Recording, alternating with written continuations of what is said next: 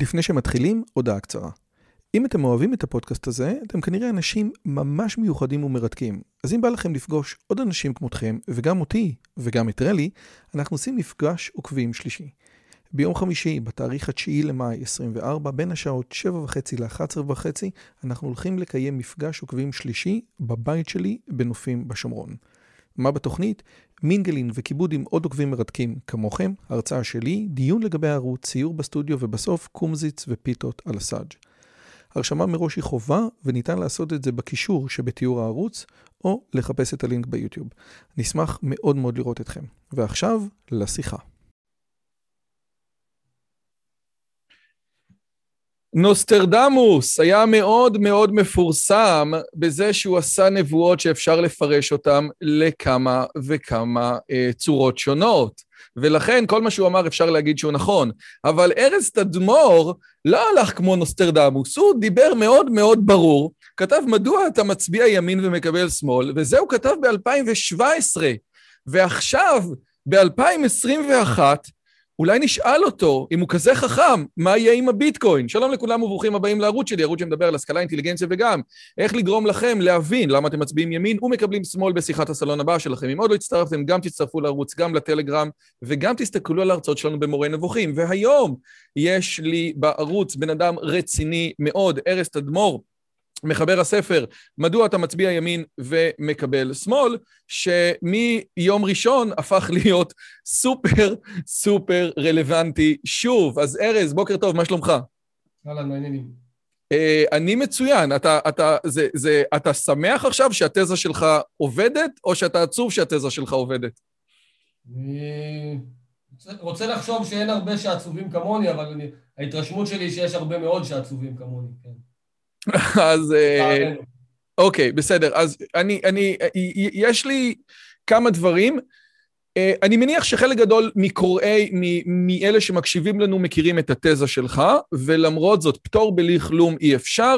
הטענה המרכזית שאתה מעלה בספר, שהוא באמת ספר אה, אה, כיף וקצר ונעים ונחמד וקריא, הוא, היא בגדול כזה דבר. למרות אתה מצביע על שני תאריכים מרכזיים בספר, אחד, המהפך ב-77, כאשר הפרק שלך נקרא הפר, היום שבו הימין לא עלה לשלטון, זאת אומרת שבו בגין לא החליף את שלטון הפקידים, מה שהיינו קוראים היום את ה deep state, והדבר השני, 1992, הרעיון של אה, אה, חוקי היסוד, והרעיון הזה שבעצם בג"ץ יכול להיכנס יותר ויותר. אלה שני מוקדי הכוח, גם ה deep state מצד אחד וגם בג"ץ והמהפכה החוקתית מהצד השני, שלמרות שהימין זוכה בקלפי, וכמו שאתה אומר, עובד קשה מאוד כדי לעשות את זה, הוא לא מצליח לעשות שום שינוי. האם אמרתי את זה נכון? ואם לא, או אם לא אמרתי את הדברים החשובים, מהם הדברים החשובים בתזה? אמרת את זה נכון, אני רוצה להרחיב את זה קצת. אמ, אתה יודע, זה גם לקחים מהארבע שנים שעברו מאז פרסום הספר, שיחות שהיו לי בעקבותיו, כלומר, איך שהוא מתקבל, אז אני טיפה מחדד את זה. אני חושב שהטענה המרכזית של הספר היא שפוליטיקה היא יותר ממה שהתרגלנו לחשוב. איזושהי התנגשות בין פוליטיקאים, שאנחנו הולכים לקלפי אחת לתיאוריה ארבע שנים, אבל בישראל פעמיים בשנה בתקופה האחרונה, ואז בוחרים פוליטיקאים, ומרגע זה הפוליטיקאים רבים אחד עם השני, אם הם יותר טובים, אם הם יותר אידיאולוגיים, אם הם יגייסו רוב, הם יקדמו את המדיניות הזו, אם הם לא מצליחים לקדם, אז כנראה שהם נכשלו, או שהם אינטרסנטים ומושחתים וכן הלאה. זה הרבה יותר מורכב מזה. פוליטיקה זה בסוף אה, מלחמת רעיונות, ערכים, אינטרסים, כוחות, שמתרחשת סימולטנית בכל רגע נתון בהרבה מאוד זירות ומגרשים. הזירה שנגעת בה היא הזירה כנראה הכי חזקה כיום, כי המון עוצמה שהייתה אמורה בידי המערכת הפוליטית, הוא עברה למערכת המשפטית, ולכן היא כל הזמן, והיא כל הזמן גם בוחשת לתוך הפוליטיקה, אז זה יותר ברור לנו לעין, אבל. רגע, אני לא אפריע לך, יגידו שאני מפריע, אבל אני רק רוצה לחדד, כי דיברתי על שתי זירות, על ה deep state ועל מערכת המשפט. מבחינתך זה אותה זירה, או שאתה מכוון רק למשהו אחד? א', אני לא אוהב את המונח deep state, הוא קצת נשמע קונספירטיבי כזה. ו... שלטון הפקידים שבגין לא החליף. כן, כן. אז תראה, יש את הפקידות הבכירה, יש את מערכת המשפט שהעוצמה שלה פה היא חורגת מכל פרופורציה, כבר אי אפשר להגיד שזה חורג מכל פרופורציה, זו, אנחנו הולכים והופכים למדינה אנטי דמוקרטית שבה קבוצה קטנה שלמעשה מחזיקה ביכולת לשבט את עצמה, למנות את יורשיה וחבריה, לוקחת לעצמה עוד ועוד סמכויות, אבל זה לא החידוש של הספר שלי, כלומר דניאל פרידמן כתב על זה, ורות גביזון כתבה על זה, ובן דורי מיני, וגדי טאו, ורן ברץ, ואחרים, ורבים וטובים. ושמחה, ושמחה רוטמן גם שדיבר פה. רבים וטובים. אמ, אבל הטענה של הספר, אמ, היא אומרת שפוליטיקה זה גם מה שקורה, זה כאמור הסינרגיה הזו, מלחמת הרעיונות שמתרחשת בתקשורת, באקדמיה, בשיח התרבותי, בזירה החוץ פרלמנטרית, בעולם הכלכלי, בעולם הלשעברים והמומחים לכל תחום שפתאום נהיים יותר רלוונטיים ברגע מסוים, בפוליטיקה, במערכת המשפט, כל הדבר הזה, בפקידות הגבוהה, כל הדבר הזה יוצר איזושהי דינמיקה. עכשיו אני, אני אנסה להסביר את זה בצורה מאוד מאוד פשוטה. אדם רגיל, אדם פשוט, מצביע בבחירות, כאמור לא כל אזרח אפילו, רק בערך 60-65 אחוזים מה, מהאזרחים מממשים את זכותם להצביע, ואולי הם קצת מנהלים שיחות על פוליטיקה עם חברים, מגיבים קצת ברשתות החברתיות, שולחים סרטונים שהם חושפים שהם מעניינים בוואטסאפ למשפחה ולחברים, אבל אין ספק שההשפעה הפוליטית של אזרח ממוצע קטנה בהרבה מההשפעה הפוליטית, מהכוח הפוליטי של שופטי בית המשפט העליון, שופטים בבית המשפט המחוזי, שופטים בבית משפט שלום, המשנים ליועמ"ש, היועץ המשפטי לממשלה, אה, פרופסור שנהנה ממומחיות ומהשפעה על מקבלי ההחלטות, על השיח התקשורתי, על השיח הציבורי, על ועדות הכנסת. עכשיו אם נעשה, אה, בסוף כשאנשים הולכים להצביע, בארבעים שנים האחרונות בדרך כלל הימין מנצח, בדרך כלל הוא משיג רוב. והוא פחות או יותר חשב שיהיה בסדר, בחרנו פוליטיקאים ימניים, ונסתדר, הרוב הימני שלנו ימשול ויקדם מדיניות ימין. אבל זה לא נכון, כי הפוליטיקה אחרי הבחירות ולפני הבחירות ובכל רגע נתון מתנהלת במאבק של השחקנים בעלי ההשפעה. של אנשים שיש להם את ההשפעה על כל הזירות הללו. נגעתי פה בשופטים, בפקידים, ביוצאים המשפטיים, לאמנון אברמוביץ', לרביב דרוקר, לעורך ידיעות אחרונות, לעורך שבעה ימים שאף אחד לא יודע מי, זו, מי זה, לעורך המוסף לשבת, לעורך אולפן שישי. לאנשים הללו יש הרבה הרבה הרבה יותר כוח מלאזרח פשוט, לא פי שתיים, לא פי שלוש, אלא פי אלפי מונים. אגב, לפני כמה שנים נוחי דנקנר אמר לסבר פלוצקר, הוא אמר, יש אנשים בעלי השפעה הרבה יותר גדולה ממני, מנוחי דנקנר. אז פלוצקר שאל אותו מי למשל, אז הוא אמר לו, אתה. למשל, כן. יכול להיות שהוא צודק. אגב, בעלי הון, יש להם השפעה אדירה. אנחנו אפילו לא יכולים, את, את רובה אנחנו לא רואים, היא נעשית בדרכים מתוחכמות, בדרכים סמויות. אה, אי אפשר, אתה יודע, אין פה אף אחד שבאמת יודע למפות את אלפיים או את חמשת אלפים השחקנים הכי משפיעים במדינה, וגם לא את מאה כנראה. אבל בסוף כשאתה מסתכל, בשורה התחתונה הטענה של הספר הייתה כשהימין סובל מנחיתות מובהקת ולשמאל יש הגמוניה מובהקת בכל הזירות של מלחמת הרעיונות, מלחמת הערכים, מלחמת תפיסות העולם והאינטרסים הזו מלבד המערכת הפוליטית, גם כשם הימין כביכול יש לו רוב של 63, 65, 67 ח"כים אבל בשאר המערכות במערכת המשפט זה 95-5 במקרה הטוב ובתקשורת זה 90-10 במקרה הטוב ובתרבות זה 99-1, ו... ותעבור פה בפקידות הגבוהה גם כן, כלומר, אז א', יש את זה, ב', זה, זה מבחינת מערכות, וקח את 5,000 האנשים הכי משפיעים, או 2,000 האנשים הכי משפיעים, אז גם אתה תגיע פה ליחס של 90-10 כנראה, מבחינת עוצמת, העוצמה של השמאל, והטענה של הספר אומרת, גם אם אתה מנצח בחירות, אבל אתה בנחיתות בכל הזירות הללו, ואתה בנחיתות מובהקת בתוך כל מעגלי ההשפעה, אז בסוף נוצרת דינמיקה, נוצר זייטגייסט, רוח תקופה, נוצר ה-PC הנכון, נוצר uh, מה שמקובל לחשוב, מה שלגיטימי, אלה המסילות שבתוכן פועלת המערכת הפוליטית. פוליטיקאי לא יכול לקדם מהלך שהמערכת הזו, השיח, התפיסה, התרבות הפוליטית שנוצרת באותו רגע, נתפס בעיניה כקיצוני, כלא לגיטימי וכן הלאה. כלומר, אלה המסילות שבתוכן פועלים מרבית הפוליטיקאים, שרובם אפילו לא מודעים למערכה הזו. הם חושבים שאיזה ביג שאטס כאלה, כי יש להם חבר הכנסת זה וזה לפני השם, השר זה וזה לפני השם. ולא, הם בסוף פועלים בתוך גבולות גזרה שמוכתבים להם על ידי שחקנים אחרים שהם יותר חזקים, יותר מתוחכמים וכן הלאה. זו הייתה הטענה הגדולה, ועל גבי הטענה הזו אתה בא ואומר, אתה יודע, קיבלתי הרבה מאוד ביקורת מאנשים שמבקרים את נתניהו, אומרים לי, איך כתבת את זה ואתה בעד נתניהו?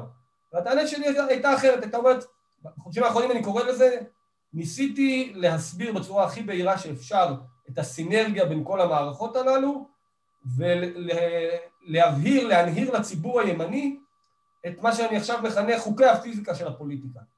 אלו הם חוקי פיזיקה, זה משקולות, זה כוחות, זה התנגשות בין כוחות. לשמאל יש יותר כוחות, יש לו, המאזניים שלו הרבה יותר כבדות, הנוכחות שלו הרבה יותר חזקה בכל המעגלים הללו. כל פוליטיקאי ימני צריך להתמודד עם זה. הטענה שלי היא שנתניהו מתמודד עם זה ברוב התחומים בצורה יותר טובה מיתר הפוליטיקאים שיהיו לימין. אפשר לא להסכים איתי, אפשר לבקר אותי, אפשר להצביע, ובצדק נניח, על תחומים שהוא נכשל בהם, אבל הטענה הבסיסית שלי הייתה, קח את מי שאתה רוצה ותשים אותו במקום נתניהו, לא תפתור את הבעיה. כי מאזני יחסי הכוחות הללו יישארו עד שלא תשנה אותם, עד שימין לא ייכנס כמו שצריך ויקים לעצמו כלי תקשורת חזקים וארגונים חוץ פרלמנטריים חזקים. אוקיי, שנייה, בסדר. אז... ואני חושב שמה שקיבלנו היום, בימים האחרונים, זו המחשה איך האנשים, אתה יודע, הייתי אומר לאנשים, שים את בנט, שים את איילת שקד במקומו, והם לא יהיו, ולא יהיו להם תוצאות יותר טובות. אני חושב שקיבלנו את ההמחשה שלא רק שלא יהיו תוצאות יותר טובות, אלא שבפרומיל מהלחצים שהופעלו על נתניהו בשלושים השנים האחרונות, והוא לא נשבר, אנחנו רואים איך השילוב הזה של מצד אחד לחצים, מצד שני פיתויים, כלומר לאליטות של השמאל, למוקדי הכוח, יש גם את היכולת לפתות אותך, לא רק לאיים עליך. והמערך הזה בהרבה מאוד מקרים מכריע את הרוב הפוליטי של הימין. זו, זו הטענה הגדולה של הספר. אוקיי, okay, אז, אז אני רוצה רגע לקחת את זה. קודם כל, מה שאמרת לגבי הרעיונות שיוצאים מגבולות גזרה, עושה רושם שיש מה שנקרא חלון אוברטון, כן? פעם דברים שהיה אסור להגיד בכלל, ולאט לאט, אה, לאט לאט דברים נכנסים לקונצנזיוס. הדוגמה הטובה ביותר, פעם הייתי באיזה מקום, ואמרו שמצע מרץ 1992 היה אה, ירושלים בירת ישראל מאוחדת לעד. אה, ודברים השתנו מאז. עושה רושם שהיום אי אפשר, אם אתה אומר לה, אה, המילה טרנספר לערביי ישראל, היא משהו שיוצא פחות או יותר מגבולות השיח המוסכם. ו, וזה בוודאי, אני חושב שהוא דבר שהוא סופר נכון. עכשיו, אתה אמרת בספר, שציטטת את בגין, שאמר שיש ימין, אה, אה, ימין מתון, ימין קיצוני וימין טיפש. בני ול... בגין. כן, בני. את בני בגין, ולמעשה הוא לא אמר ימין חכם, או הוא התכוון שהימין המתון הוא הימין החכם, אבל כל מה שאתה אומר שה, שהימין מפסיד בזירת הרעיונות, זה לכאורה עבודה של השנים האחרונות של קרן תקווה והשילוח והעבודה של קופל מפורום קהלת, שמנסים לשנות את זה, בגדול, נכון? זה, זה, זה הכיוון.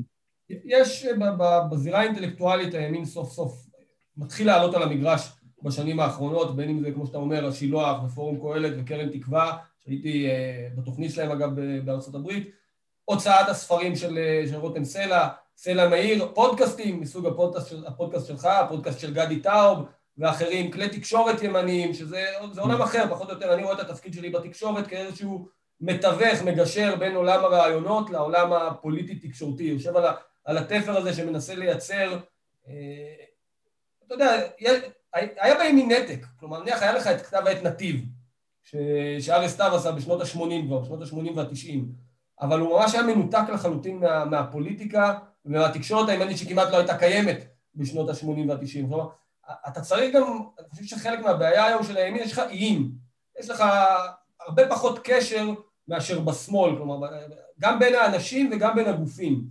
ופה אנחנו צריכים, אין תנועה ימנית, אני חושב שקמו גופים ימניים, קמו אנשים שהצליחו לבנות לעצמם מעמד, השפעה, קהל אה, בימין, אין עדיין תנועה ימנית.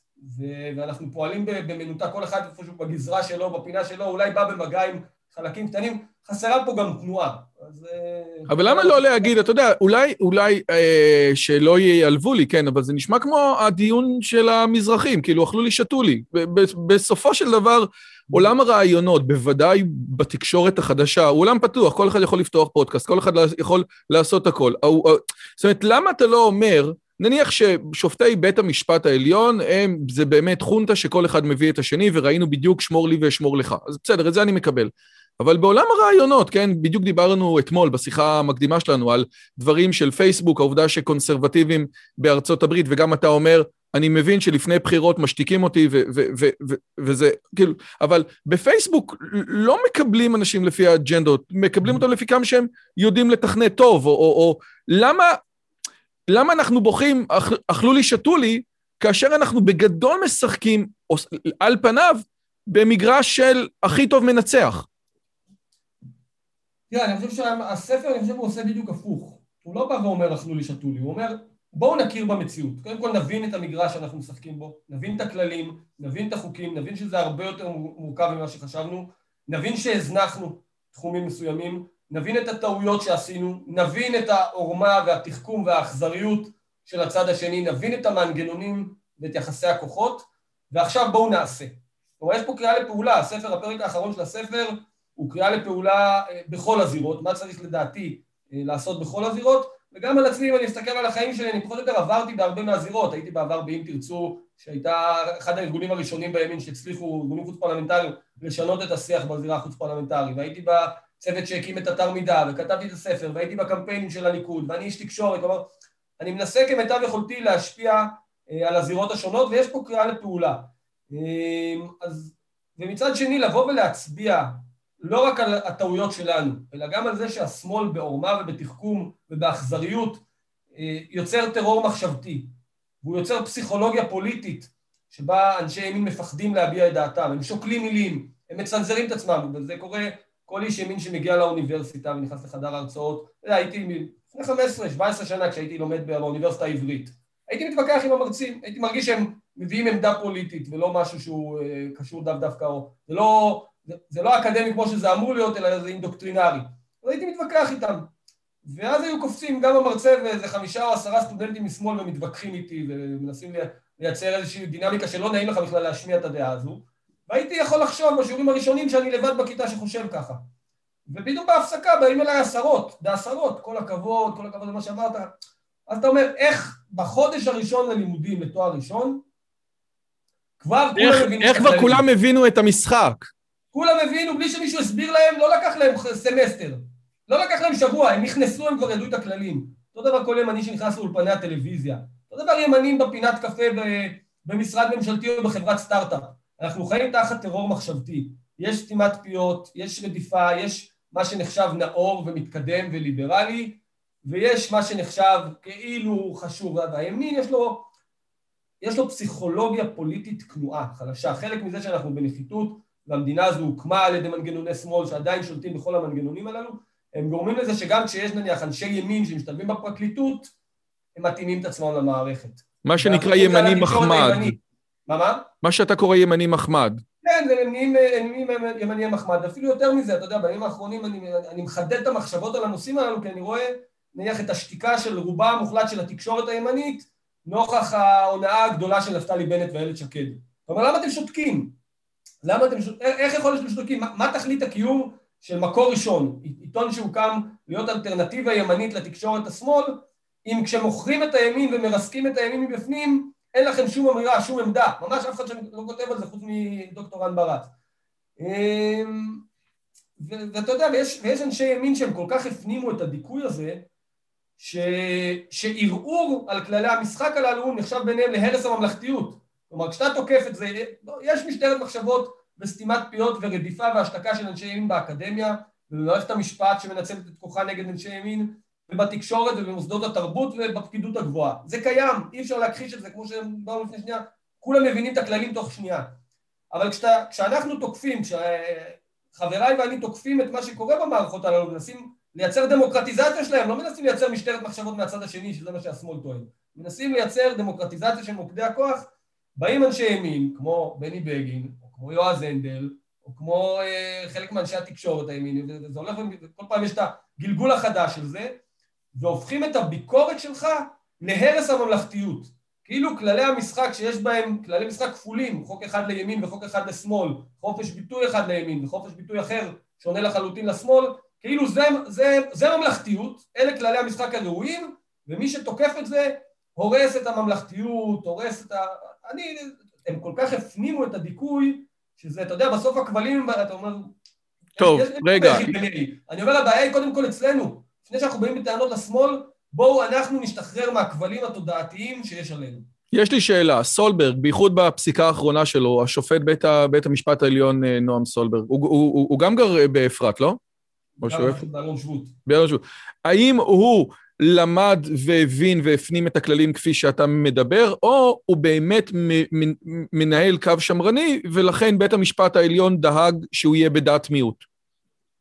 איך אתה לא רואה את העבודה שלו? בגלל שעושה רושם, אתה יודע, פסיקה אחרי פסיקה, עושה רושם שהוא באמת לא נכנע לתכתיבים של מה שנקרא, של רוח המפקד, כמו שאתה אוהב לקרוא לזה.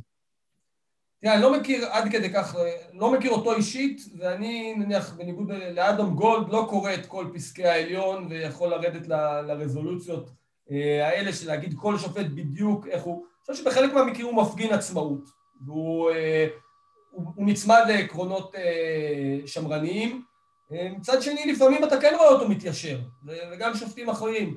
אז ממה זה נובע, האם זה נובע ממקרה ספציפי שהוא חושב בצורה מסוימת, או זה נובע מאיזושהי פסיכולוגיה שזה רוכב עליה, קשה לי לדעת. זו חלק מהבעיה, אגב, במערכת המשפט, אין באמת שקיפות. כן, אגב... אתה לא רואה, אתה לא רואה רוצה... את הדיונים. טומי לפיד פעם אמר שהוא קרא מאמר של דליה רביקוביץ', והמאמר היה מאמר שמאלני, והוא אמר, אנשים חושבים שזה דליה רביקוביץ', היא, המאמר שלה הוא שמאלני, הוא אמר, לא, מי שפונה לדליה רביקוביץ' יודע שהיא תביא מאמר שמאלני. השאלה היא, מי היה העורך שביקש ממנה לעשות את זה? זאת השאלה שהיא הרבה יותר חשובה. זאת אומרת, אני יכול, וזאת הטענה, לדעת איזה, איזה שופט יגיד מה. רק הוועדה לבחירת שופטים עבור קייס מסוים, שזה הדבר, אחד הסודות השמורים של בית המשפט. למה בחרת את ההרכב הזה? זאת אומרת, אני יכול להביא שופט קונסרבטיבי, או שופט שאני פחות או יותר יודע מה הוא יגיד, לתוך הרכב שאני יודע שהוא יהיה בו בדעת מיעוט. זאת אומרת, מה שמשחק יותר מכל דבר, זה מה ש... איך, איך פעם אמרו, יותר טוב מהקיסר זה מי שממליך את הקיסר, כן? זאת אומרת, מה שיושב ומחליט שבדיון הזה יהיו השופטים האלה והאלה והאלה, וזה סוד מאוד מאוד כמוס של מערכת המשפט, נכון? זאת התוכנה. התוכנה קובעת, יש כן. להם תוכנה שקובעת את ההרכבים. כפרה, איזה יופי. א', אתה צודק. ב', מלכתחילה הרכב בית המשפט הוא כל כך מוטה, בית המשפט העליון, מה יש שם? 11, 2 לליברלים ושמרנים ואיזה שניים שהם כאילו מתנגנדים כאלה, אתה יכול למצוא אותם פעם פה ופעם פה. אתה אומר שגם אם התוכנה תעשה את זה בצורה אקראית זה יצא בסדר. אז א', זה ב-99 אחוז, ב', אתה רואה מקרים מסוימים, מי מתעסק, קלמן ליבסקין כתב על זה, חשף, מי מתעסק בסוגיות מסוימות של מסתננים, מי מתעסק בסוגיות של בנייה בלתי חוקית של מתנחלים או בנייה בלתי חוקית של ערבים, איכשהו דואגים תמיד שזה יהיה האנשים הנכונים כדי שתתקבל התוצאה הרצויה. ואגב, בבית המשפט העליון המצב הוא עוד יותר טוב, בגלל שנחשפנו לזה, בגלל שצריך רוב של שבעה מתוך אה, תשעה כדי לקדם, אז הצליחו להכניס קצת את, אה, את שטיין ואת מינס כאילו ואת אלרון, אבל רד לשלום ומחוזי, שם זה הרמטי לחלוטין, זה, זה הרמטי, ואני אגיד לך יותר מזה, דואגים גם, הם יודעים, מה זה ועדת השתיים? ועדת השתיים זה גוף בלתי חוקי, בוא תסביר אבל רגע מה זה ועדת השתיים למי שלא מכיר. ועדת השתיים נחשפה, אני חושב, על חיים לוינסון בהארץ. היא פועלת כבר עשרות שנים, מסתבר, ששתי שופ... שופטות, יכול להיות שני שופטים גם, אבל זה נוטה להיות שתי שופטות בדימוס, אחת מהעליון, עדנה ארבל בדרך כלל, ואחת מהמחוזי ש... שהתחלפה, והם עושים מעין סינון למי רשאי בכלל להתקדם, והמערכת מתירה לו להגיע לוועדה לבחירת שופטים. עכשיו, זה לא פורמלי, זה לא חוקי, הן לא עובדות מדינה, הן עושות את זה כשהן כבר שופטות שפרשו, הן ממיינות עבור המערכת, ורק מי ש... יש איזה מסלול עוקף, חריג, שאתה יכול להגיש בקשה, גם אם לא עברת את ועדת השתיים להתמנות, אבל שוב, אתה מגיע לידי מערכת שהיא קובעת, בכלל יש לה את הפילטר הראשוני, מי רשאי להגיש מועמדות בוועדה לבחירת שופטים שהיא כולה מוטה, שיש בה שלושה שופטי עליון, שני נציגי לשכת עורכי הדין, שבאופן מבני, כשאתה עורך דין, אתה רוצה להיות בקשר טוב עם השופטים ולא להסתכסך איתם. זה מובן מאליו. תקרית אפי נווה היא החריג, היא היוצא מהכלל שמעיד על הכלל וראינו במה זה עלה לו. אבל באופן אינהרנטי, עורך דין לא רוצה להסתכסך עם השופטים, והוא לא רוצה שהמשרד שלו יהיה לו שם של משרד שמסוכסך עם שופטים. חלק מהיתרונות שמשרדי עורכי דין מציגים בפני לקוחות פוטנציאליים, יש לנו קשרים טובים עם השופטים, יש לי שיח טוב עם השופט הזה והשופט הזה והשופט הזה, כלומר, באופן מבני למערכת יש שלושה שופטים, שני נציגי לשכת עורכי דין שמיישרים את הקו, והפוליטיקאים שמתחלקים מטבע הדברים, שלוש אחד, שתיים שתיים, ככה הם נוטים להתחלק. ובמינויים לשלום ולמחוזי לא צריך שבעה מתוך תשעה, ושם הם פשוט, אחד, כבר בשלב הזה, ממנים כמעט אך ורק את אנשי שלומם, שניים, המערכת עושה השתלמויות ועושה הכשרות ודואגת להעביר לאנשים מהי רוח המפקד, ושלוש, יש את הפילטרים האלה שכשאתה רוצה לעבור מהשלום למחוזי אתה צריך לעבור את ועדת השתיים ואז את הוועדה הזו ואין לך סיכוי, כלומר זאת מערכת שא' היא פועלת בלי שקיפות, בלי, אה, היא לא דמוקרטית, זו למעשה מערכת אוליגרכית שממנה ומנציחה את עצמה, והאג'נדה שלה, לצערנו, הפכה להיות אג'נדה אנטי דמוקרטית ואנטי ציונית. והיא אה, לצערנו גם הצליחה לבלוע רבות מהסמכויות שבכל מדינה דמוקרטית ליברלית נמצאות בידי הרשות המחוקקת והרשות המבצעת. טוב, אז אני, קודם כל, הדברים ברורים, אבל, אבל שוב, חלק מ... אה, אני חושב שהחידוש הגדול שלך לא יושב על מערכת המשפט, כי עוד פעם, זה פרידמן ורוטמן ואחרים דיברו. אני רוצה לעבור לשאלות יותר פילוסופיות, ש, אה, שגם קשורות לימים הללו. כשאני דיברתי עם דן שיפטן לפני איזה שבוע, אה, ודיברנו על, על, על מה שנקרא, על... זה שאנשים מפירים הבטחת בחירות. אז אמר, נו, שוין. לא, הוא אומר, זה, בזה נמדד מנהיג. הוא אומר, יש כמה מנהיגים לאורך ההיסטוריה, גם רוזוולד, אני חושב שהוא נתן את השם, שאמר שהוא נבחר על סמך זה שהוא לא ייכנס למלחמת העולם השנייה, שארה"ב לא תיכנס, והיא נכנסה, וזה היה מעולה שהיא נכנסה. טרומן, אני חושב שזה כבר היה way בפנים, כן? אה, וגם, אה, אה, וגם ה... אני חושב במלחמת העולם השנייה באנגליה. זאת אומרת, לפעמים אנשים מפרים הבטחת בחירות, וזה חלק מתוך המערכת הפוליטית. גם שרון לצורך העניין, כן, הפר את הבטחת הבחירות שלו. חלק מהסיבה, אגב, תראה קטע מדהים. חלק מהסיבה שהגנו, הסיבות לפייסנות של שנות ה-30, שהם לא התעוררו בזמן למול הצעדים של גרמניה שהתנערה מכל המחויבויות שהיו עליה בחוזה ורסאי ובחוזה לוקרנו והסכמי פירוק הנשק ובנו את חיל האוויר והגדילו את הצבא ופלשו לחבל ארור, ופלשו לחבל הריין, ואז אה, אוסטריה, ואז צ'כוסלובקיה, זה היה שבולדווין כראש ממשלת בריטניה רצה לעמוד בהבטחות הבחירות שלו לא ללכת למלחמה. כלומר, הוא לא התאים את עצמו למאורעות, הוא היה כבול בהבטחות שהוא נתן לבוחר, ובמקום לזהות את גודל השעה ולהגיד למרות שנתנו התחייבות לבוחר של, של מדיניות פייסנית, הוא נגרר אחרי, והוא ידע שזה טעות. ואחרי זה, אני בדיוק קורא עכשיו את חשבת הסופה, אז הוא כאילו מסביר לצ'רצ'יל, והוא מסביר לציבור. הנה, אז איך חשכת הסופה מתחיל? זאת אומרת, חשכת הסופה זה בעצם החלק, הפרק הראשון ב, ב, בסדרה של צ'רצ'יל על מלחמת העולם השנייה. אז הציטוט הפותח שם זה, איך בטמטומם ובנדיבות ליבם נתנו העמים דוברי האנגלית לרשעים להתחמש. אני חושב שזה הציטוט שם. לחדש את חימושם, כן. כן, נכון, אז הנה, אבל אתה מחזק את הטענה, ואז רק מטומטם הולך עם הבטחת הבחירות שלו, למרות שבנט אמר שהיה לו, כמה, לו גם הבטחת בחירות אחרת, שלא יהיו בחירות חמישיות.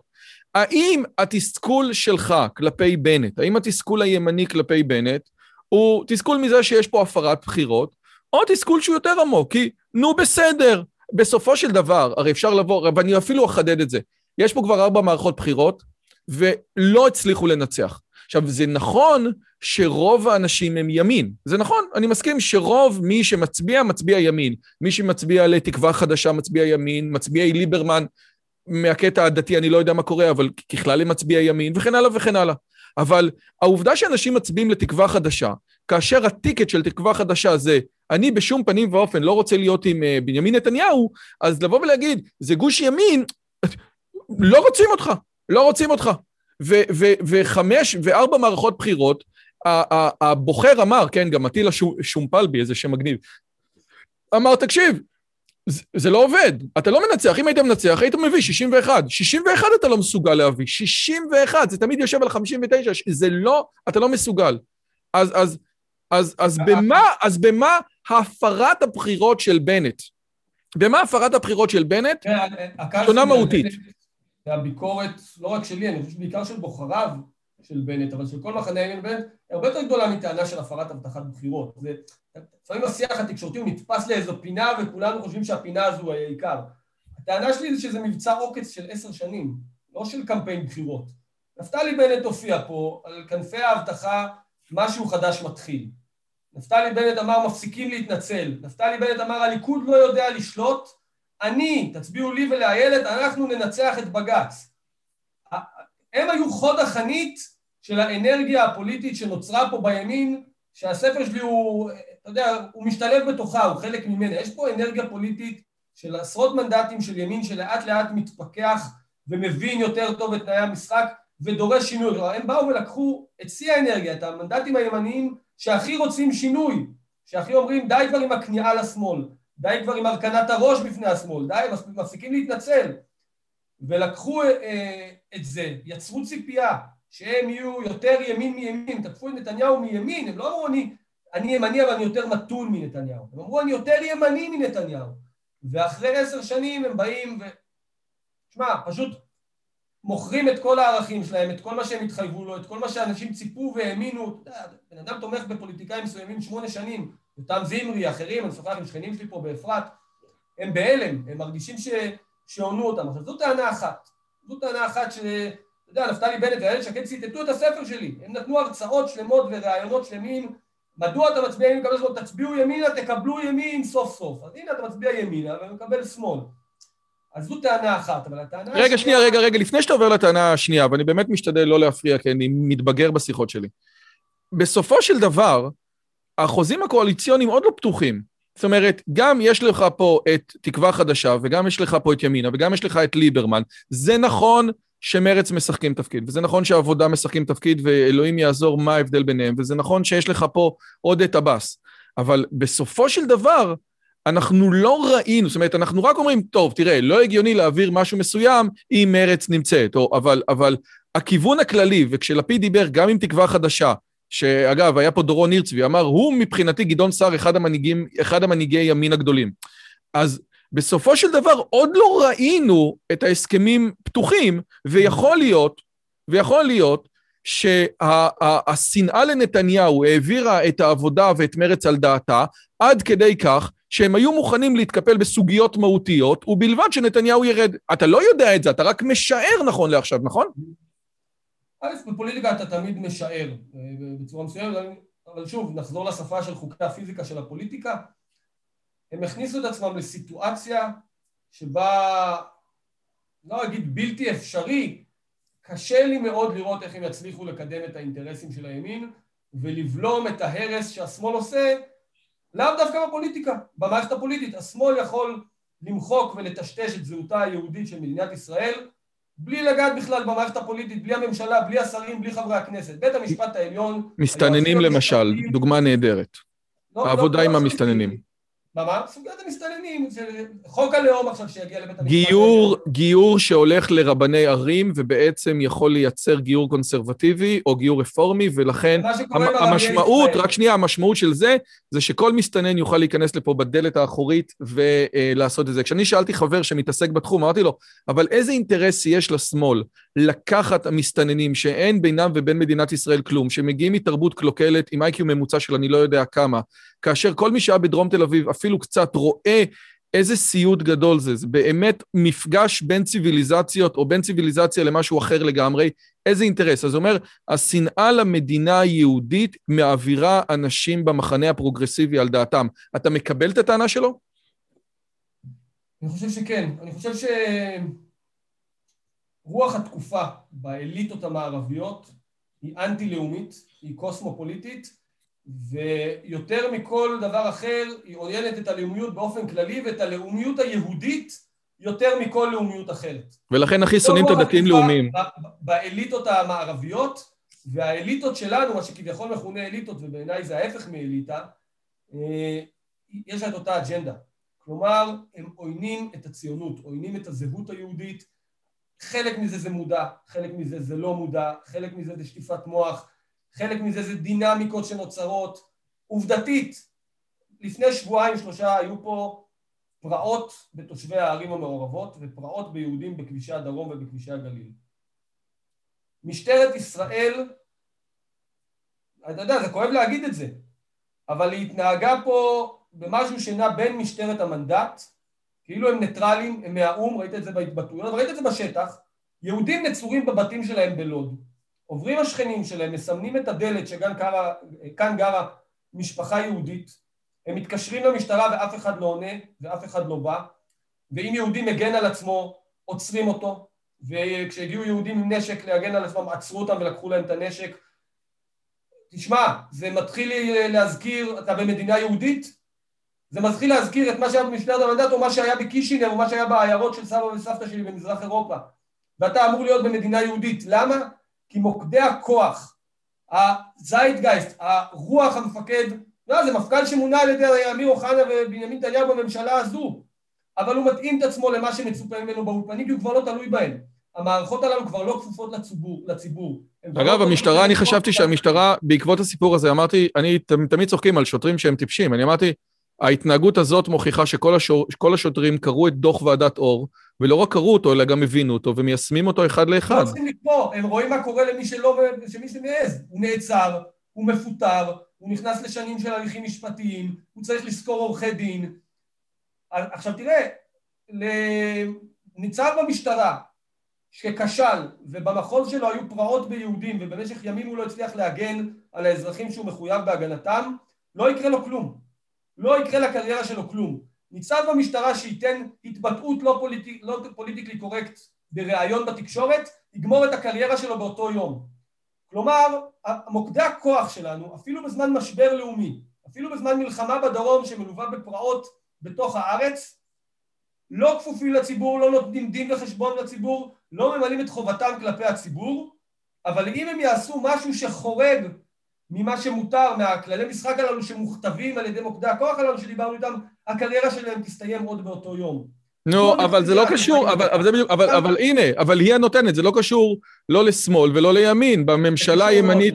לא, אבל הנה, אתה אמרת, מונה על ידי, מונה על ידי אמיר אוחנה בממשלה הזאת, אז, אז, אז, אז, אז בעצם, עוד, אתה, אתה יודע מה בסדר, אז אני אגיד, הרי, הרי ביבי אומר, בואו תיתנו לי מנדט, אני אעשה ככה. נשמה, אתה כבר עשר שנים, כן? אתה, אתה יודע, מה שלא עשית בעשר שנים, די, מספיק, אתה לא תצליח. אז, אז... לא, לא, אני כופר בהנחה הזו.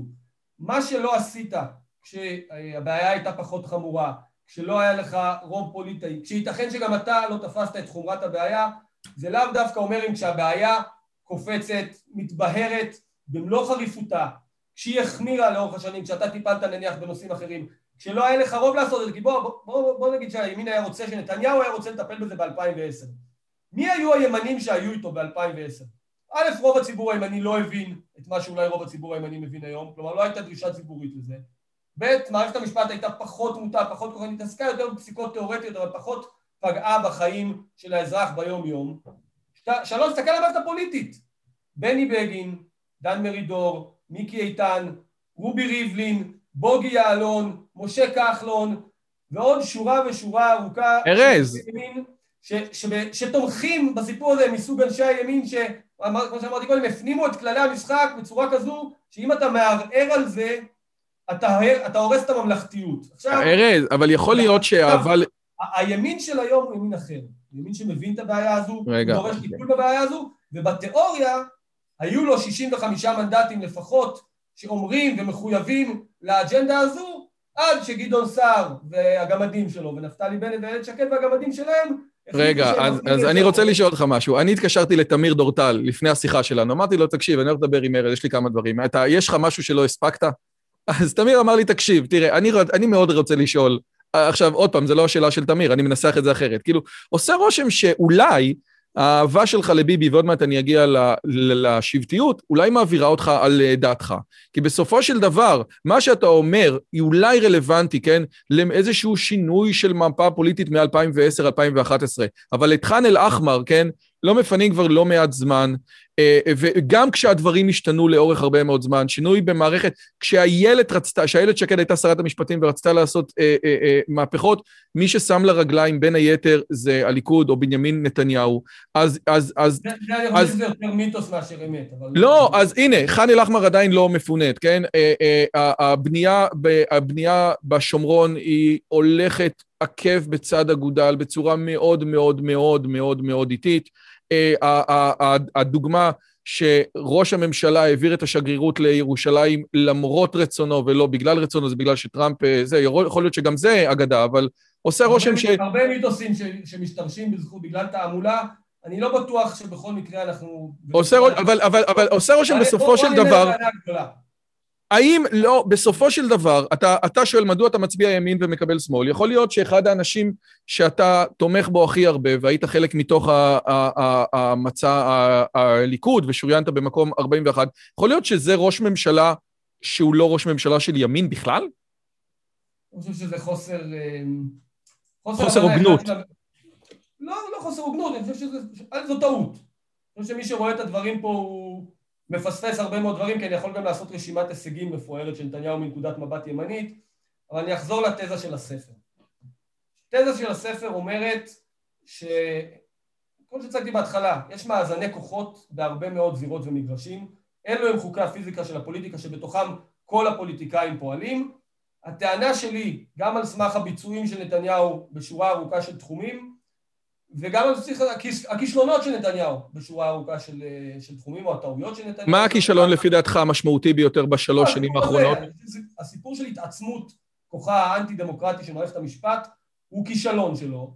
אני חושב שהוא הובס. אני חושב שבנושא הזה הוא ואנחנו הובסנו על ידי כוחות חזקים מאיתנו. אני חושב שהוא גם עשה טעויות, הוא מינה את מנדלבליט, אני חושב שב-2010, באותה תקופה, אני חושב, אתה שואל אותי, אף פעם לא שאלתי אותו מפורשות על זה, אבל אני חושב שעם הפרשנות שלי, שהוא אמר לעצמו, אוקיי, אני צריך לטפל, ב, להתמודד עם ממשל אובמה ולטפל בסוגיה האיראנית ולטפל בסוגיה הפלסטינית ולשקם את מעמדה הביטחוני של ישראל אחרי התקופה של אולמרט במלחמת לבנון השנייה ולשקם את הכלכלה הישראלית ואת מעמדה המדיני של ישראל.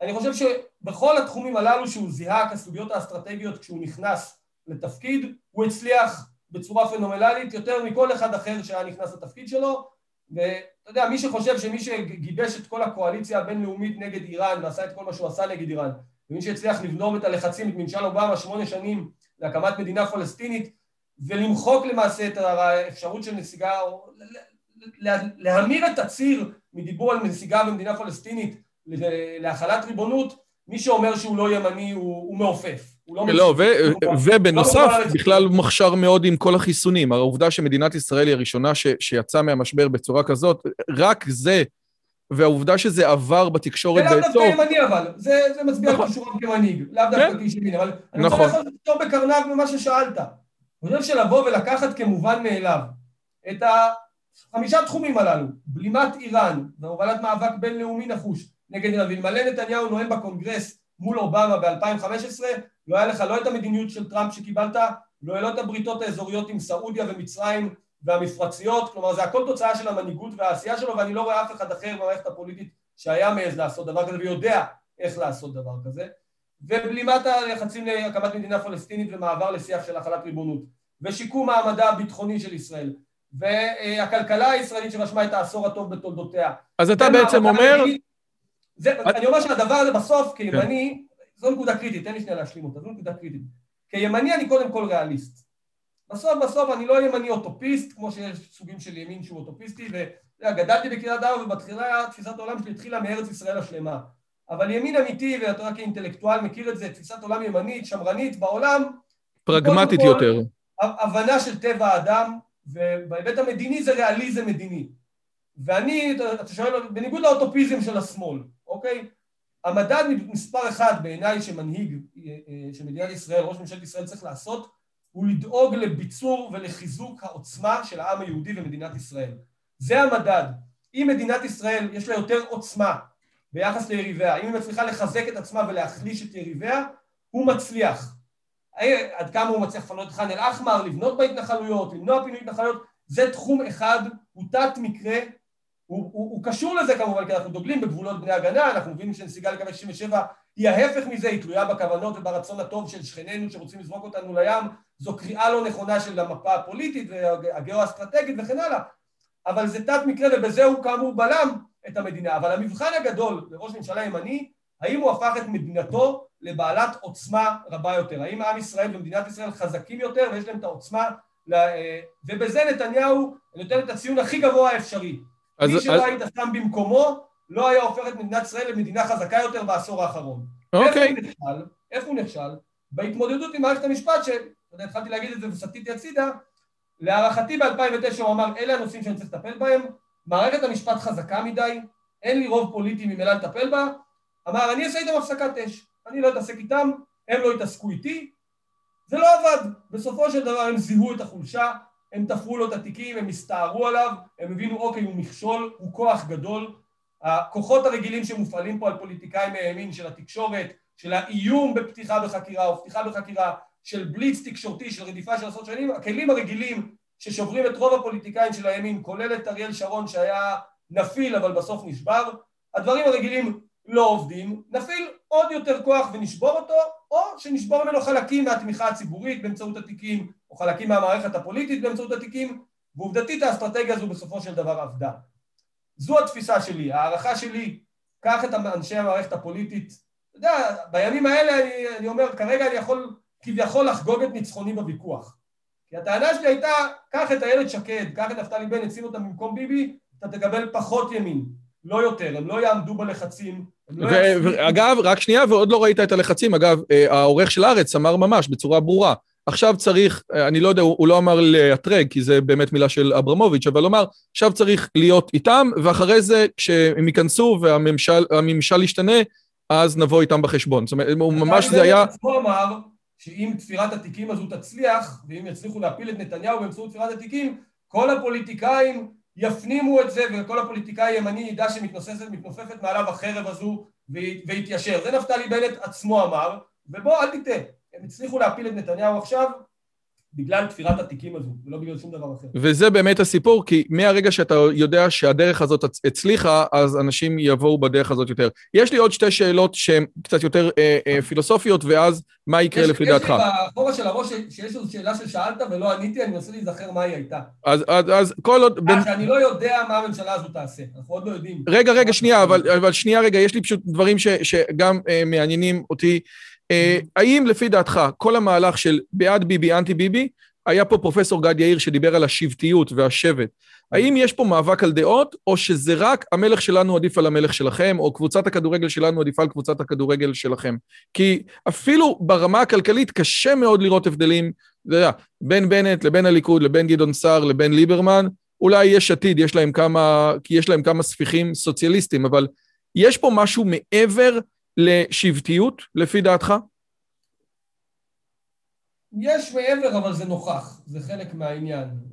אתה אומר, בסופו של דבר, העובדה שנקראת ממשלת השינוי, והעובדה שהגוש, העובדה שהתקשורת מציירת את הגושים כגוש כן נתניהו, גוש לא נתניהו, אומר שיותר מכל אחר זה כבר נהיה אה, כאילו משהו שהוא באמת מאבק אה, אה, או פרסונלי או שבטי, איך שלא תרצה לקרוא לזה, נכון? אין, לא תמצא תזה שמתארת ולוכדת בתוכה במדויק את כל התופעות אה, שמתנגשות ומתרוצצות בחיים, בעולם האמיתי. כן, נכון, אבל אני לא רואה הבדלים. אני, אני קשה לי, אולי אתה יכול לעזור לי לראות הבדלים מהותיים אה, בין הליכוד, עזוב את נתניהו בתור מנהיג גדול, כן? האם אתה רואה הבדלים מהותיים בין הליכוד ובין ימינה ובין תקווה חדשה? יש הבדלים מהותיים? אני לא רואה, פשוט אני באמת לא מצליח לראות. אני חושב שבפסיכולוגיה הפוליטית אה, יש הבדלים. אני חושב שהליכוד שה... בסופו של דבר מתברר למרות חסרונותיו ולמרות הנוכחות של הוועדים שאני לא מת עליה, בלשון המעטה, ולמרות דברים אחרים שאני לא מת עליהם, אבל בסוף הליכוד מתברר כעוגן המרכזי ויותר עמיד לעוצמה שמוקדי הכוח הללו והאליטות מפעילות, וגם ימינה וגם תקווה חדשה שטענו שהם יהיו חזקים יותר ויהיו האלטרנטיבה המשילותית, הימנית היותר ימנית מימין ויותר ימנית מנתניהו, הם מתבררים כעוד מאותו זן של ימין אה, כנוע ו- ורופס ורקדני היפית וימניי מחמד, אה, ובמידה מסוימת אופורטוניסטים, כי אני חושב שאופורטוניזם מסוג מה שמפעיל פה מפגין נפתלי בנט הוא משהו מסדר גודל אחר. אז אתה יודע, אני הרבה פעמים, אני חושב, צריך לשפוט פוליטיקאים לא לפי ההצהרות והדיבורים שלהם. גם לפי, צריך לשמוע, וכמובן שזה חלק מהסיפור. לראות מה, לראות מה הם עושים בפועל. אני, אני חושב שה... אתה יודע, יותר רלוונטי, וזה מוכח לנו פעם אחרי פעם, מהדעות של אדם, רלוונטי היכולת שלו אחד לממש אותם ולקדם אותם דרך ההתנגדות.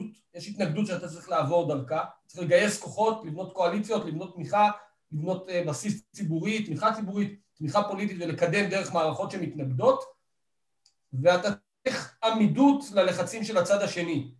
ואתה יודע, אני מעדיף פוליטיקאי שאני מסכים איתו, איש ימין שאני מסכים איתו על 60% מהדברים, אבל אני יודע שהוא איש ימין פלדה, יש לו אישיות חזקה, והוא לא ימכור את המחנה כדי להציל את עצמו, כדי לקדם את עצמו וכן הלאה, על פני בן אדם שאני בתיאוריה אסכים איתו על 100% מהדברים, אבל הוא מתברר כעלה נידף או כדג שכשאתה מוציא אותו מהאקווריום הרגיל שלו, אתה יודע, רוני אלשיך, בתיאוריה איש הימין המהולל, מגדל בקריית ארבע, היה בשב"כ, אגדה וכן הלאה. תוך חודשיים, שלושה מרגע שהוא נכנס לתפקיד, הוא כמו היה דג ששמו אותו במקום בבריכה של מים שהיה רגיל כל החיים, שמו אותו בבריכה של שמן, הוא התחיל לפרפר, בסוף הוא לקח את היועצים שאמרו לו מה הוא צריך לעשות כדי להתיישר, והוא התיישר. מנדלבליט, בן נפתלי בנט ואיילת שקד, דן מרידור, יועז הנדל, זה הכל אותו, אותה תופעה בהיבטים שונים, בשינויים כאלו ואחרים, אבל בסוף, לאנשים בדעות אולי היינו מסכימים איתם, היינו יושבים איתם, יכול להיות שהם יותר ימניים מאיתנו. אני לא איזה... אני איש ימין, ימין מתון, אני חושב, אני דוגל בקו המדיני-ביטחוני של נתניהו, אני תומך בו. יכול להיות שהאנשים הללו יותר ימניים ממני מבחינת ארץ ישראל והתנחלויות וכן הלאה. השאלה מה העמידות שלהם, מה הנחישות שלהם, מה... אגב, עושה רושם לפי מה שאתה אומר, ש... אנחנו יכולים להפריד בין האישי לאידיאולוגי. מתברר שהם לא יכולים. רגע, עושה רושם שסמוטריץ', לפי מה שאתה אומר, מצליח לעמוד בלחצים אה, לא מעטים, לא? או, ש... או שאתה רואה את זה הפוך בדיוק. לא, אני חושב שסמוטריץ' הוא, אה, הוא אידיאולוג, אין לי ספק בזה. אה, אני חושב שזה היה ברור, אגב, שהוא לא ייכנע ללחצים ל... לאפשר הסתמכות על רב, אני חושב שזו הייתה טעות של נתניהו. אחד, אני חושב גם ללכת למהלך, אבל גם לחשוב שהוא יצליח להכניע את סמוטריץ' בנושא הזה. טענה שלי אחרת, היית צריך להגיד בארבע עיניים או פעם אחת פומבית, אני לא, אני לא אתן לזה יד. ותן לנתניהו לשחק את הפוקר שלו מול גדעון סער ונפתלי בנט. זו, הוא עשה מזה קמפיין בעיניי שלא לצורך. אבל אתה יודע, יש לי מן הסתם מחלוקות על דברים מהותיים, על תפיסת עולם עם בצלאל סמוטריץ'. הימין שלי, שהוא ימין אה, ריאליסטי, לאומי, הוא, אה, נחלשת לי פה הבטריה, הוא מן הסתם אה, שונה מהימין, נקרא לזה, לא יודע מה. הדתי-משיחי. כן, כן, זה, זה מן הסתם, אז אנחנו בדברים מסוימים יכולים להסכים, ומן הסתם בדברים מסוימים אנחנו נתווכח. עכשיו, שאלה, אולי אחת לפני האחרונה, האחרונה, אם יהיה לך זמן, איזה שיה רוזמן שעובד איתי על הפודקאסט הזה, אמר לי, תראה, במזרח הקדום, התפקיד של המלך, כן, של ה... התפקיד של המלך במזרח זה למנוע מכוחות הרוע להשתלט, מהכאוס להשתלט על העולם, ולכן בסופו של דבר אפשר לראות ב, ב, ב, בתפקיד של המלך איזשהו תפקיד שמרני. ובמערב הולך, אה, המלך מסמן את הקדמה ואת הנאורות, וזה גם דברים שאסף שגיב בזמנו אמר, אבל ביבי באיזשהו מקום הוא מנהיג מזרחי, כי העניין שלו זה למנוע מכוחות הרשע להשתלט, אפשר לראות את זה במאבק המאוד גדול שלו מול איראן, מול כל כוחות, כי אנחנו לא ניתן לרשעים להתחמש. ועושה רושם שבאיזשהו מקום, דה פקטו יוצא שהוא לא איש של קדמה, כי הוא יעדיף לא לקדם רפורמות, והעיקר שלא לעשות שטויות. העיקר לשמר ולא לא שהרעים אה, אה, ישתלטו. אתה מקבל פחות או יותר את התזה הזאת? ש, שזה בעיקר... הרעיון שזה למנוע מהרע להשתלט ופחות להיות, אה, אה, לקדם רפורמות? אני לא, לא בטוח שאני מקבל את התזה הבסיסית אה, על ההפרדה בין סוגי שלטון נניח מזרחי או מערבי. אה, אגב, תפיסת העולם השמרנית באה ואומרת, קודם כל לא להרוס. קודם כל בוא נשמר, היא רואה איום בהרס, היא רואה את הפרוגרסיבים, היא רואה לפני זה את המרקסיסטים, היא רואה את השמאל שחותר לייצר מין אה, גאולת עולם, תיקון עולם, אוטופיה, חברה מושלמת, קורא לא נכון את טבע האדם ועוין את...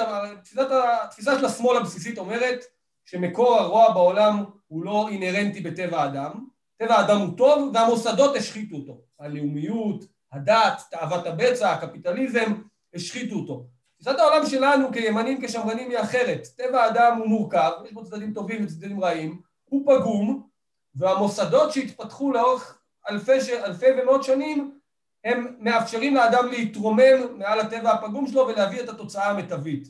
ותפיסת העולם השמרנית אומרת, תיזהרו לא להרוס, תשאירו את הקשר שלנו למשפחה, לארץ, למולדת, ללאום, לדת, אגב, אני רק רוצה, אני רק רוצה, בגלל שלמרות שהערוץ הזה הוא שמרני במהותו, אני רוצה רגע לחדד את התפיסה הפילוסופית הזאת, כי גם הימין וגם על שמאל יכולים להסתכל על סיטואציה מסוימת בהווה ולהגיד זה לא מושלם.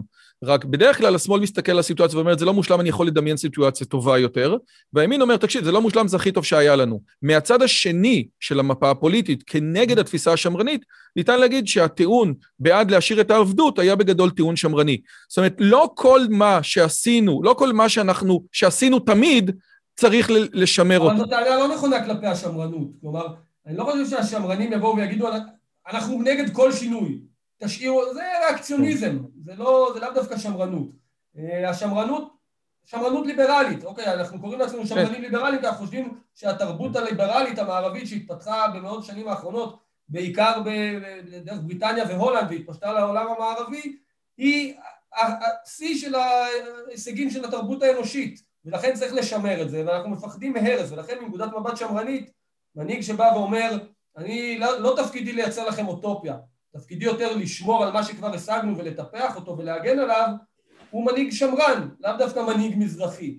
ובהיבט הזה אני חושב אחד שנתניהו, ושתיים אני אחפור בטענה מצד שני, אחפור, אחפור, אחפור בטענה מצד שני, נתניהו אני חושב שאין אף אחד שקידם יותר רפורמות ממנו. כלומר הרפורמות הכלכליות שלו, גם אם זה לאו דווקא בשנים האחרונות, או, לא, על זה מדברים. הרבה מדובר על נתניהו כשר אוצר, ששונה מנתניהו ראש הממשלה. בבקשה תפריד, אתה יודע.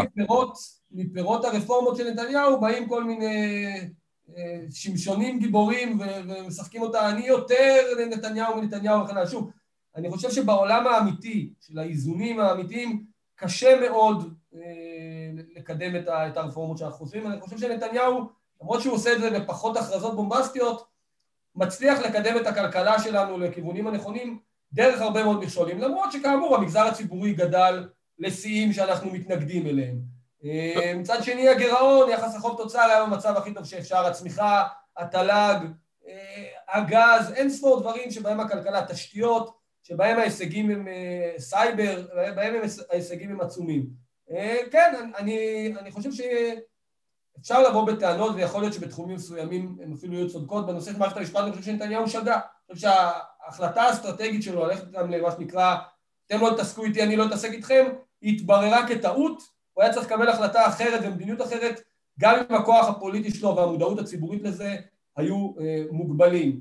מצד שני אני לא רואה פה איזשהו אה, שחקן מנהיג אה, בעל שיעור קומה שאם ייבחר פה לראשות הממשלה שקשוקת הרוטציות, כמו שאומרים, אבל הנה, זאת דוגמה טובה, בגלל שהספר שלך נקרא מדוע אתה מצביע ימין ומקבל שמאל, וזה תכלס מה שאתה אומר, אתה יכול לתת איזושהי פרדיקציה של הדברים הבאים, של מה שהולך לקרות במערכת הפוליטית, זאת אומרת, הולך כן להיסגר ממשלת שינוי,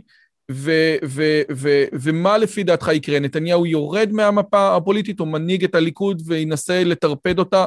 מה, איך, ש- איך לפי דעתך, הראשון ליוני 2021, אתה רואה את החודשים הקרובים בישראל? כן, אני חושב שזו טעות אה, לעסוק בנבואות אה, פוליטיות, זה הטעות הכי גדולה שאפשר לעשות, כי זה, המערכת הפוליטית בישראל היא כל כך קפריזית. לפי דעתך, אה, ביבי לא יהיה ראש הממשלה הבא? זה נראה שזה הולך לשם, אני לא הייתי מוציא מכלל אפשרות את המפץ הפוליטי שבעוד שבוע כולנו נופתע באיזה משהו אחר שיקרה. אני לא אופתע, אני... זה לא, אתה יודע, זה יפתיע אותי, כן. אבל אני לא אגיד, אה, איך זה קרה, כי זה קורה כל הזמן בפוליטיקה הישראלית. אוקיי, אז אני אשאל שאלה אחרת. לו... מוקדם מדי להספיד את בסדר. רגע, שנייה, אז אני אשאל שאלה אחרת.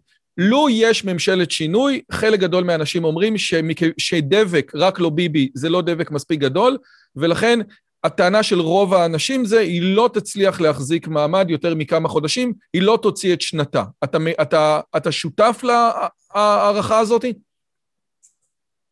לו תהיה ממשלת שינוי.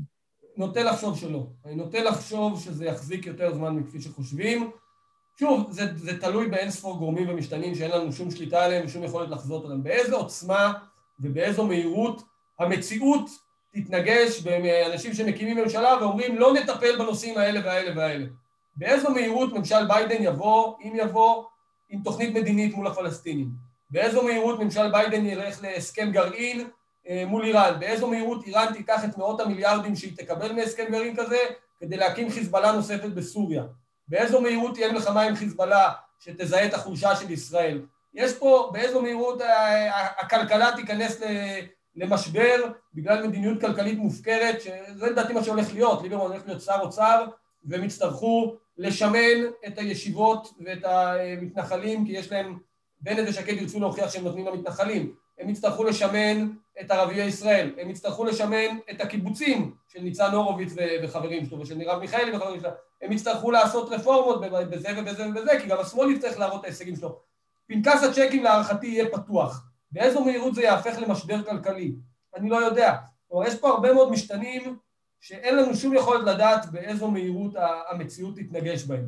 ההערכה שלי היא שפסיכולוגית ופוליטית הדינמיקה היא רעה מאוד לימין, כי יש לך פוליטיקאים כביכול ימנים ששרפו את הגשרים אחורה, שרפו את הגשרים לבוחר הימני, שרפו את הגשרים לרוב הבוחרים שלהם, רואים את זה גם עכשיו בסקרים ש-65% מבוחרי ימינה... אה, ואז, ואז, ואז פוליטיקאי ימני ששרף את הגשרים שלו, יכול לעשות דברים מבלי להתייחס להשלכות בעתיד בבחירה הבאה. זה, זה בעצם הטענה, נכון? אני אומר שהם ינסו להימלט מהבוחר.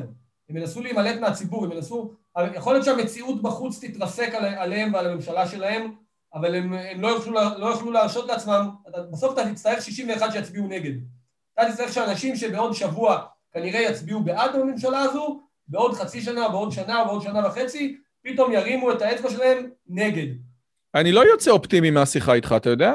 כאילו, אני, אתה, אתה, אתה, אתה לא הבטחת לי שאני אצא אופטימי, כן? כאילו, זה לא שאתה אשם, אבל אני לא יוצא אופטימי. את השיחות שלי עם רן ברץ, אני כל פעם מדבר איתו, ואז אני אומר לו, דיכאון לדבר איתך, כי הוא עוד יותר פסימי ממני, אבל הוא טוען שזה לא פסימיות, אלא ריאליזם, והוא בדרך כלל צודק. אה, זה המצב. ככה מישהו פעם אמר... יכול להיות שזה יקרוס בעוד ארבעה חודשים. אתה יודע, אין לנו זה כל כך הרבה משתנים שאין לנו מושג אה, איך הם... לא, אבל גם אם זה קרס, אבל גם אם, אם זה קרס, אותו קו ימני של כמו שאמרת לגבי בנט, מפסיקים להתנצל, ואנחנו ניכנס בבית המשפט העליון, ואפילו זה שאיילת שקד אומרת הבוקר, טוב, תחליפו אותי מרב מיכאלי, ואני לא יודע בדיוק מה הולך עם זה, אבל אפילו הקו הזה, אתה אומר, גם אם זה לא ילך, העובדה שבנט נתן את הנאום הזה, בעצם זעזע משהו. זאת אומרת, עוד יותר חיזק את התזה שלך לגבי העובדה שהמערכת הפוליטית משחקת תפקיד אחד מתוך הרבה מאוד מערכות שמושכות בכוח, נכון? הטרמינולוגיה, הטרמינולוגיה של בנט בנאום, לא צפיתי בנאום שלו, קראתי מה כתבו על זה, יש דברים שכואב לך מדי לראות, אתה אומר אני אצטרך... לא, לא צפיתי בזה. אמ, אבל הטרמינולוגיה שהוא השתמש בה, להאשים את הימין בהסתה, את נתניהו בהסתה, ריפוי, זו טרמינולוגיה שמאמצת לחלוטין את התעמולה השקרית של השמאל. מי שמפלג בישראל זה השמאל, לא הימין. מי שזורע שנאה באופן מובהק זה השמאל, לא הימין. מי שאכפת לו מאחדות ישראל, והשמאל מנצל לפעמים את הרצון הזה של אה, הימין באחדות ישראל, מי שרוצה אחדות זה הימין. השמאל, יש לו אג'נדה אחרת לחלוטין. השמאל היום, אתה יודע, בדיוק ראיתי מישהו בפייסבוק כותב, מה זה משנה, בשנים הקרובות לא יהיה שום יוזמה מדינית, אף אחד לא מדבר על יהודה ושומרון, על נסיגה. א', כאמור, אנחנו לא יודעים, יכול להיות שזו טעות, יכול להיות שממשל ביידן כן יביא יוזמה מדינית. אבל ב' זה לא משנה, פשוט חוסר הבנה, זה אנשים שחיים את הוויכוח של ה nineties. השמאל לא צריך להקים מדינה פלסטינית ולסגת לקווי 67, זה גם לאו דווקא היעד מספר אחד שלו היום. השמאל היום חותר למחיקת זהותה היהודית של מדינת ישראל, הוא לא צריך אף יוזמה מדינית והוא לא צריך אף, לפנות אף התנחלות כדי לעשות את זה. הוא רק צריך לעשות חצי שנה למי שמנסה להחזיר בתשובה. ואין ספור דברים אחרים שאנחנו מדברים עליהם, כלומר, תפתח פה, תראה, אם יגיע לך פה פתאום גל מהגרים כמו שהיה לפני 10, 12, 14 שנה, ואין לך כבר את חולות, ופסלו את החוקים להוצאה למדינה שלישית, וכן הלאה. אם יגיעו פתאום 50, 100, 200 אלף מסתננים, באיזו מהירות הממשלה הזו תגיב לזה, והאם היא תהיה מסוגלת להתעמת עם מערכת המשפט בסוגיה הזו?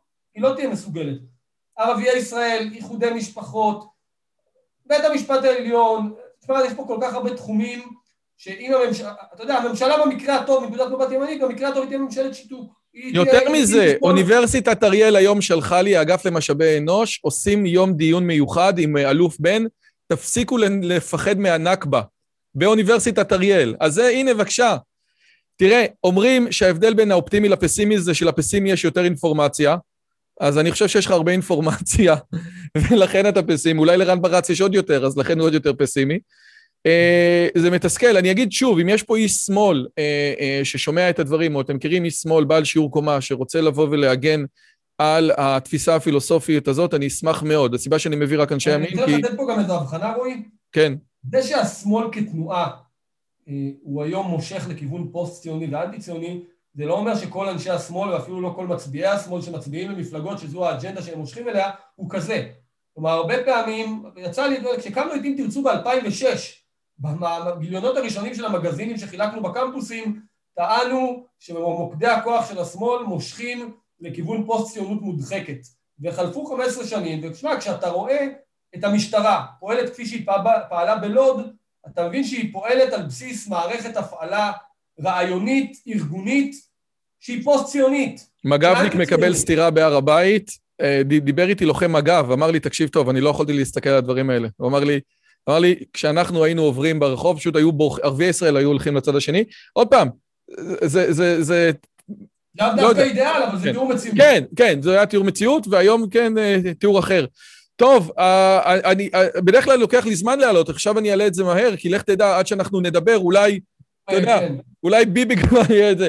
ארז תדמור, מחבר הספר מדוע אתה מצביע ימין ומקבל שמאל. ב-2017 עשה את זה, חבל שהוא לא חיבר ספר על ביטקוין אז. איזה... באמת חבל. איזה נבואה. תודה רבה רבה, היה כיף גדול. תודה רבה על הזמן שלך, ואפילו שתשכלת אותנו, אז מה? זה מה יש. תודה, תודה רועי. ביי. אם הגעתם עד לכאן, מגיע לכם כל הכבוד. אז תנו לי להגיד לכם שלושה דברים קצרים. הדבר הראשון, אם שמעתם משהו בשיחה שמעניין אתכם, שאתם רוצים לקחת הלאה, פשוט ספרו אותו לאנשים אחרים. משהו מעניין שאני אמרתי, משהו מעניין שהאורח שלי אמר, איזשהו רעיון שאתם רוצים לקחת איתכם לחיים, פשוט ספרו אותו לחבר או לחברה. זאת הדרך הטובה ביותר לזכור את הרעיונות מתוך השיחות האלה. הדבר השני, אם אתם רוצים לקחת חלק בקהילה שלנו ולפגוש ולדבר עם אנשים כמוכם, אתם מוזמנים לערוץ הטלגרם שלנו, שווה לכם מאוד. פשוט תראו עוד אנשים שמתעניינים מדברים מגניבים בדיוק כמוכם. והדבר האחרון, אם אתם יכולים, דרגו את הערוץ שלנו באפליקציית הפודקאסטים שלכם, זה יכול להיות בספוטיפיי, באפל פודקאסט או בגוגל פודקאסט, זה תהליך קצר של שתי שניות, הוא מאוד מאוד יעזור לנו להפיץ את הבשורה הלאה. שיהיה לכם כיף גדול וכיף בשיחה הבאה.